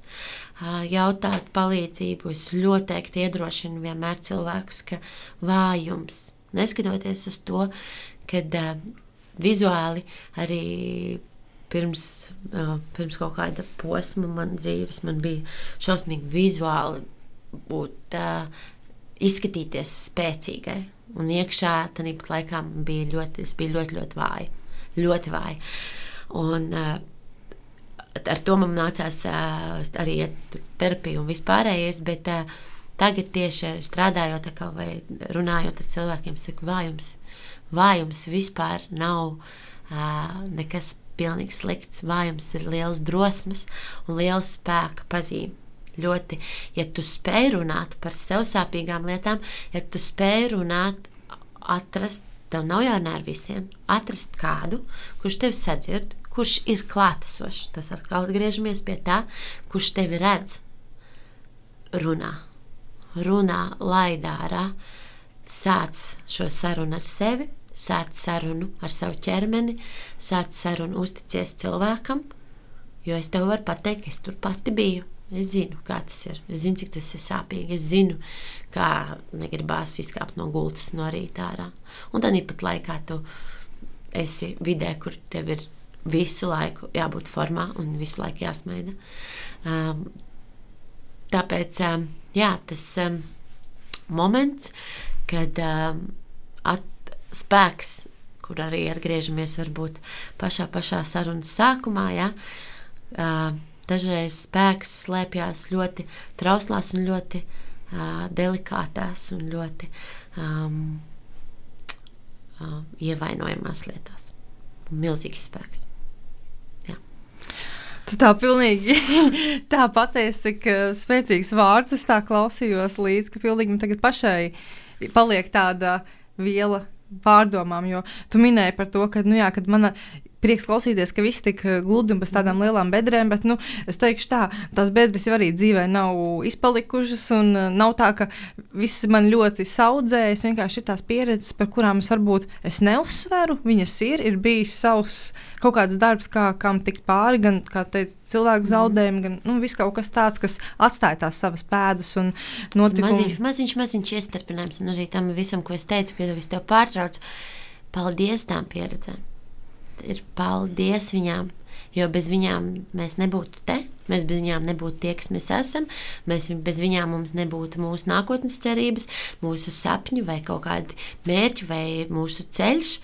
Par visi cilvēki, kurus, kur ienāca, kur aizgāja, visi ir bijuši mūsu skolotāji un visas pieredzēm, pa visām pieredzēm jāsaka paldies. Pilnīgi pa visām. Nu, tur es tev arī pilnīgi piekrītu. Vienkārši bieži vien pēc tam pašu Instagram kaut kur esmu lasījis komentārus, ka pārmet, nu, ka cilvēki, kas pārāk kā, idealizē, varbūt nerāda tos savus sliktos brīžus. Mm. Tad, nu, jā, tad vienkārši gribēju pateikt to, ka man pašai tas, ka uh, es varbūt izvēlos neafišēt un neiet daudz. Uh, tā kā varbūt pat žēloties, bet nu, kā, cik man ir grūti gājis, vai nu, kā, un redz, kā es varēju. Bet man vairāk patīk fokusēties uz tām reālajām rīcībām. Ko var darīt? Mm -hmm. Kur mēs esam šobrīd? Kas būtu tāds viens loģiskais nākamais solis, ko varētu darīt, lai kaut kādus uzlabojumus savā dzīvē vispār mm -hmm. veikt? Un tāpēc es arī tā cenšos pārāk neslīgt kaut kādos bijušos notikumos. Un, tas skatījums, kāda es izvēlos uh, iet uz priekšu. Un droši vien kādam citam varbūt tas skatījums atšķirsies, bet tā ir tā mana pieeja. Un ar podkāstu it īpaši man patīk, ka cilvēki gūst tādu perspektīvu, kā iet uz priekšu, kā, kā viņus mazliet dzinēja spēks. Mm -hmm. Kā mhm. tev kaut kas padzīs uz priekšu, nevis uh, turēs atpakaļ un visu mm -hmm. laiku mhm. liks galvā malt un malt cauri to, kas ir bijis, ko tu vairs nevari mainīt, kas tikai tik daudz kā fakts, ka tas tev palīdzēs atspērties un nokļūt kaut kur citur, bet pa lielam jau tu vairs neko mainīt. Tajā nevar. T tas ir, tas ir mans tāds. Uh, domu. Šeit es tev noteikti arī varbūt tieši šajā momentā, kad, kad tieši tas klausās, man, man tāds smuks salīdzinājums vienmēr bijis arī ļoti vienkāršs un ļoti bērniem saprotams, jo citreiz viņiem arī saku, stāstu to vai draudzenēm runāju, kas ir pagātne vai arī, nu, burtiski 5-10 minūtes atpakaļ. Tā ir tāda tās tādas bildītas, tādas projekcijas, kuras mēs ap, esam apaudzējuši ar emocijām, kas ir radīts, radījušās, radušās pagātnē. Pozitīvas, negatīvas, un viņas tur ir. Un viņas mums visas smadzenes veido, un tur prāt, prātas, para, prātam patīk ņemties. Nākotne savukārt vēl nav notikusi, un attiecīgi mēs nezinām. 5, 10, kas notiks, un uh, viss, ko mēs uh, varam darīt, ir būt šeit, bet ko mēs darām? Mēs to nākotnes uh, bildi un uh, veidojam no tās pagātnes bildītēm. Pat ja neņemam bildīti, mēs paņemam un nākotnē apaudzējam viņu ar to emociju, kas nav. Tā, tā vairs pirmkārt tā nākotne būs citādāka, un tā emocija tā ir pagātnes emocija. Viņa vairs nav, viņa nav saistāma ar to nākotni. Pat ja kādreiz kaut kas atkārtojās un rada līdzīgs pieredums, ieradums, emocijas atkārtojās. Bet tad man bērni prasa, un kas tad ir, ko mums kā? Es saku, ir tagadne, un tagadne veido nākotni un tagadne veidos nākotnes emocijas, un tagadne veidos, un tas ir tas klātesamības stāsts un klātesamības. Tu nedrīksti trenēties, pieņemsim, tagad un domāt, ka tev rīt sāpēs kājas. Tad tev arī visticamāk viņas uh, sāpēs. Tāpēc, ka tā ir projekcija, jo es atceros, ka man sāpēja kājas pēc tā treniņa, ja? un pēc tāda līdzīga vingrinājuma. Ja? Es saku, bet šodien mēs kārtīgāk iztaipīsimies, mēs izdarīsim to, lai tā kājas nesāpētu. Un tev nākotnes sajūtu neapaudzē viņa ar emocijām, neradīja jau stresu par to, kas vispār nav noticis, un tur nezinu, vai vispār pienāks tas brīdis, bet tu jau viņu apaudzē ar tādu emociju, tev rodas trauksmes, tev rodas no turienes arī aug mums vegetatīvā distonija vai ko, jo mēs nespējam būt klātesoši šī mirklī, jo mēs jau esam nākotnē un savēlkam viņu kopā ar pagātni. Un, ja nu viņš atnāks, un ja nu tas cilvēks tur būs, un ko es darīšu, un kā es darīšu, un kā es rīkošos. Un mums aiziet virpulis, un prāts tik berzē rokas, un nabaga dvēselīt sēž man neviens nedzird, jo es tur esmu un neviens nerunā. Un īsnībā tas viens no tādiem lielajiem brīžiem, kas man patīk, kad, kad man kad ir tādi gudri cilvēki vai, vai draugi man saka, kā teci, kā tu to visu zini? Kā tu to zini? Kā tu zini, kad ir prāts un ir dvēsele? Kā tu to zini? Es saku, zini, bet bija viens tāds brīdis, kad uh, dzīvē tāds brīdis, un tas, starp citu, sasējās kopā ar vienu man tādu lielu skolotāju, grāmatu autoru, vienu Ehards Tolle. Tad, un cilvēkiem es ticu, ka visiem cilvēkiem tāds brīdis pienāks, vai nu viņš jau ir pienācis, vai nu viņš pienāks, jo tas, ko es teicu, pasaule mainās, un uh, mēs kā cilvēku suga ir bišķiņi mainamies, te jau tāds vūdu aizgāja, bet tā ir, jo tomēr evolūcija iet uz priekšu.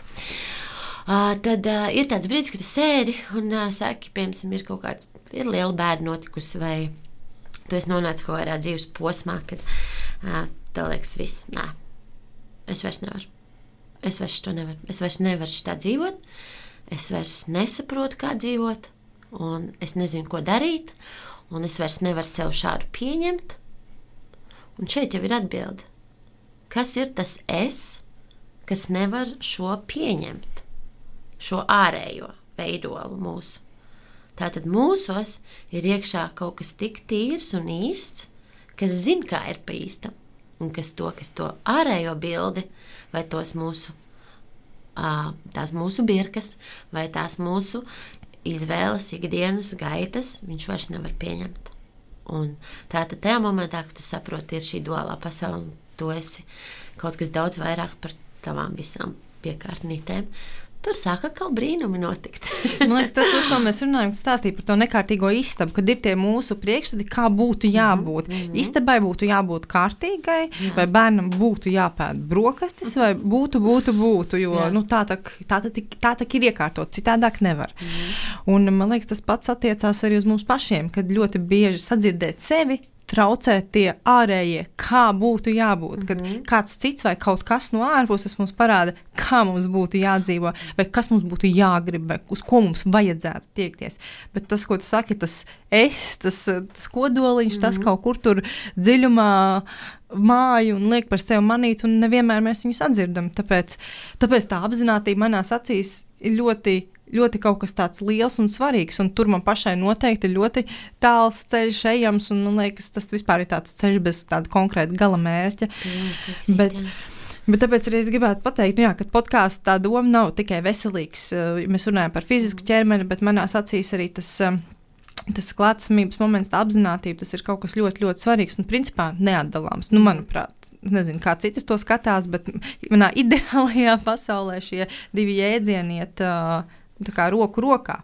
Un klausoties tevī, man ir tā sajūta, ka tu gan ar savu dzīves pieredzi, ar to, ko varbūt pati, kam esi kaut kādos posmos tur gājis cauri un ko saskārusies, un pārdomas dažādas, gan arī mērķiecīgs darbs, izzinot šo visu, ka tu, mm. tu mini tevi skolotāji, tu mācies, tu gribi attīstīties šajā jautājumā, tu gribi dot citiem. Tā nav tāda nejaušība, ka tev jautā, kā tu to zini. Tas mm. nav tā, ka tu nosapņoji, bet mm. tas ir nu, pietiekami ilgā laikā, cik es saprotu, pie tevis atnācis un salicies mm. visi puzles kā gabaliņi. O, noteikti nav pat sākt salikties. Es domāju, tā bilde viss liksies, liksies vēl ilgi. Un, un, uh, tas ir tas process, par ko es tev teicu, ja, kad uh, uh, tas ir tas process, kas manī rada nenormāli ziņkāri par to, kas būs tālāk. Un arī uh, šī saruna noteikti saruna, kas būs un viss.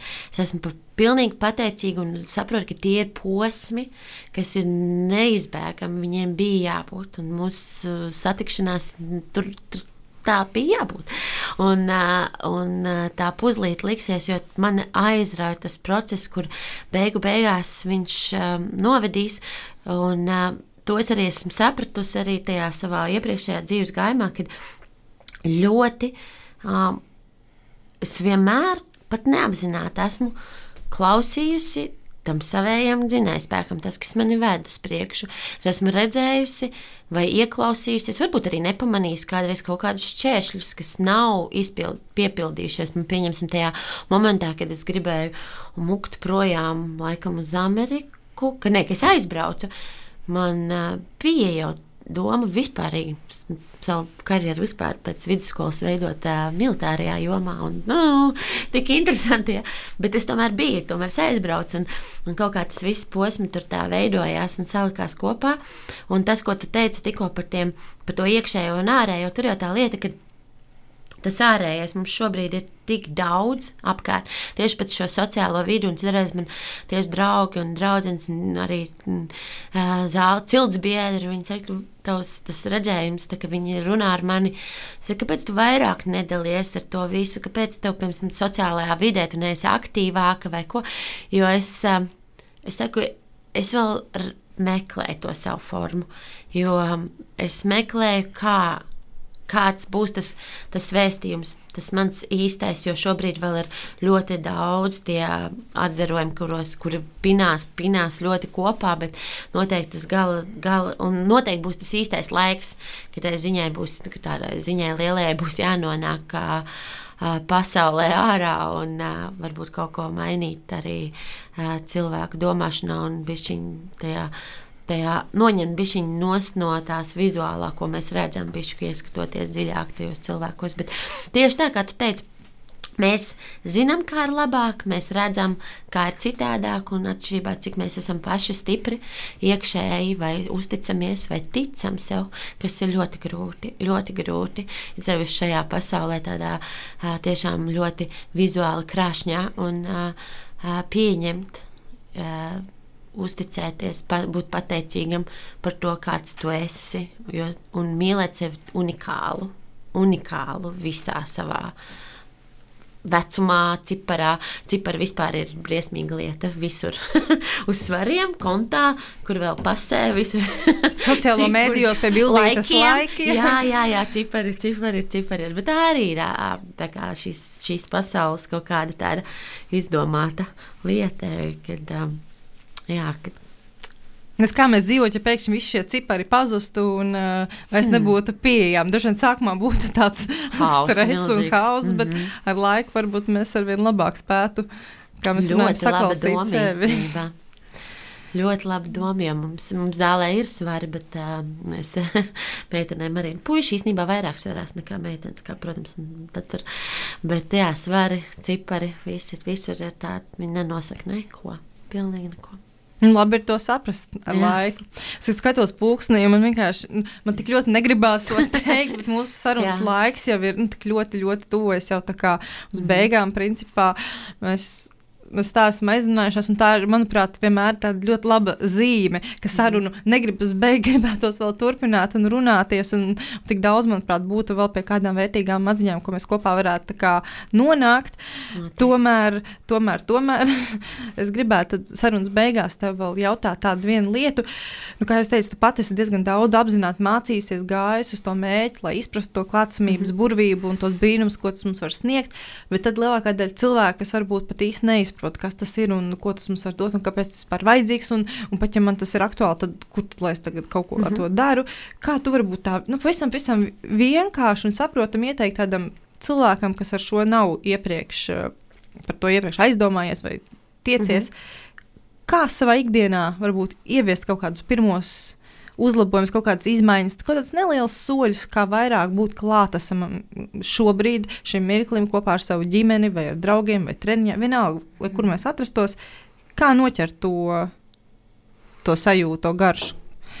Tur jau īstenībā jau tas ir tā, kā es varbūt sarunas laikā teicu, ja, tas ir tāds treniņš ar sevi un ar savu prātu, jo tev jau var darīt primitīvi, vienkārši pēc, pirmā, pēc pirmiem soļiem, kad tu esi pamodies no rīta, tu ieej dušā, piemēram, un tā vietā, lai tu sāktu domāt par dienas darbiem, tu pasmaržo, kā tev smaržo ziepes. Tu uh, sajūti silto ūdeni uz ķermeņa, tad tu varbūt pagriez viņu augstāk. Tu esi tajā momentā, ko tu dari simtprocentīgi. Nu, līdz pat tādai banalitātei, ka citreiz ir, kad uh, tu jūti, ka tev nāk šis, tas, tas, tas domas, tev sāk pārņemt, vai ko. Ir citreiz tādi brīži bijuši man, ka es pat esmu apzināti likusi soli uz trepēm. Kad tu tajā mirklī tu izslēdz iespējas prātam ar tevi bišku manipulēt, grūst tev iekšā tajās nākotnes expectācijās un sajūtās, vai raut tev apakaļ kaut kādās pagātnes uh, domās, bet tu tiešām esi šī mirklī, es lieku labo kāju, es lieku kreiso kāju, es lieku labo kāju, es lieku kreiso kāju. Un, uh, Tas droši vien tā, tāds izklausās ļoti, ļoti sīki, bet pieņemsim tie skaistie mirkļi, tie skaistie mirkļi, kurus tiešām tu vari ieelpot dziļi, ir tiešām tik vienkārši tā izējot ārā, kā tu sāki podkāstu, cik fantastiska diena ir. Un atceramies, kāda bija pagājušā nedēļa, kāds bija oktobrīs, novembris. Vienkārši ārprāts, un kāds ir atnācis decembris. Ar pirmo datumu mums ir pilnīgi balts, mums ir saule, mums ir advents sācies, ir divas Latvijas. Un tad tu vienkārši citreiz varbūt ne, neiekāp tajā tramvajā un nenobrauc tās divas pieturas, iziet cauri pat vērmeņdārzam. Un tajā mirklī nevis skatoties telefonā, uh, bet vienkārši skatoties uz kokiem. Un vienkārši, un tajā mirklī ir zosāds efekts. Un tajā mirklī e, arī šis ir tāds e, labs e, triks, ko kādreiz, kad sākās arī, kad gribās iestikt tādās prāta spēlēs par nākotni, un visu ir ļoti labs moments, ko tev sev pašam iekšēji uzdot tieši par to tagadnes momentu, tieši tagad. Pieņemsim, tev ir rīt darbā milzīgs sapulcs un problēmas, un Ziemassvētku nāk un dāvāns un naudas un vispārējais pagātni nerunāsim. Tieši tagad, kad tu sēdi šeit, tāds kāda, kur ir problēma. Tieši tagad. Nav problēma. Šajā momentā man nekas nesāp. Es esmu šeit, man ir silti, man ir ūdens, man ir uh, brīnišķīga saruna. Uh, nav. Un te ir tas tagadnes spēks. Te, šī momentā. Un te arī viss dzimst šeit, jo dzimst nākotne. Nākošie soļi mani un tavi dzimst no šī brīža. Un, ja mēs esam šeit spēcīgi un klātesoši, nākošie soļi arī dzimst stipri, pārliecināti, jo tu būsi viņos iekšā. Paldies, tev, Dārts. Manuprāt, šī bija lieliska saruna. Un, Paldies, tev, kad uzaicināji. Kā tu teici, tā nav, nebija nejaušība, bet šai sarunai, acīm redzot, bija lemts mm. notikt. Tā kā liels, liels tev paldies par tavu laiku, par pieredzi un zināšanām, ar kurām tu dalījies, kas, manuprāt, ir būs noderīgs tik daudziem. Atliek vien cerēt, ka vien vairāk un vairāk cilvēku klausīsies un spēs, spēs priekš sevis paņemt to, to kodoliņu, to esenci no šīs sarunas. Kā... Jā. Un tu, Ilanda, noteikti turpini. Man ļoti patīk tos arī stāsts par sākums, ja, par to, ka tu gaidīji perfektos laika, tā kā perfekto brīdi, kad sākt un beigās sāki tā pati un tajā brīdī un uh, turpini Jo to, ko tu dari no sirds, tas arī izdosies. Tu, esi, tu biji brīnišķīgs sarunbiedrs, tu biji klātsošs, tu mani redzēji, es tevi redzēju. Un, jā, paldies tev par, to, par šo iespēju. Un liels paldies. Paldies klausītājiem, tiem, kas noklausīsies. Varbūt bišķiņi. Jā. Jā, skaidrs. Mm. Labi, tad jau veiksmīgi. Darbie klausītāji, kārtējā brīnišķīgā, tiešām dziļā un es teiktu, iedvesmojošā sajūta, kas palika pēc šīs sarunas. Es ceru, ka arī jūs noķersiet to, to garšu, kāda acis to teica.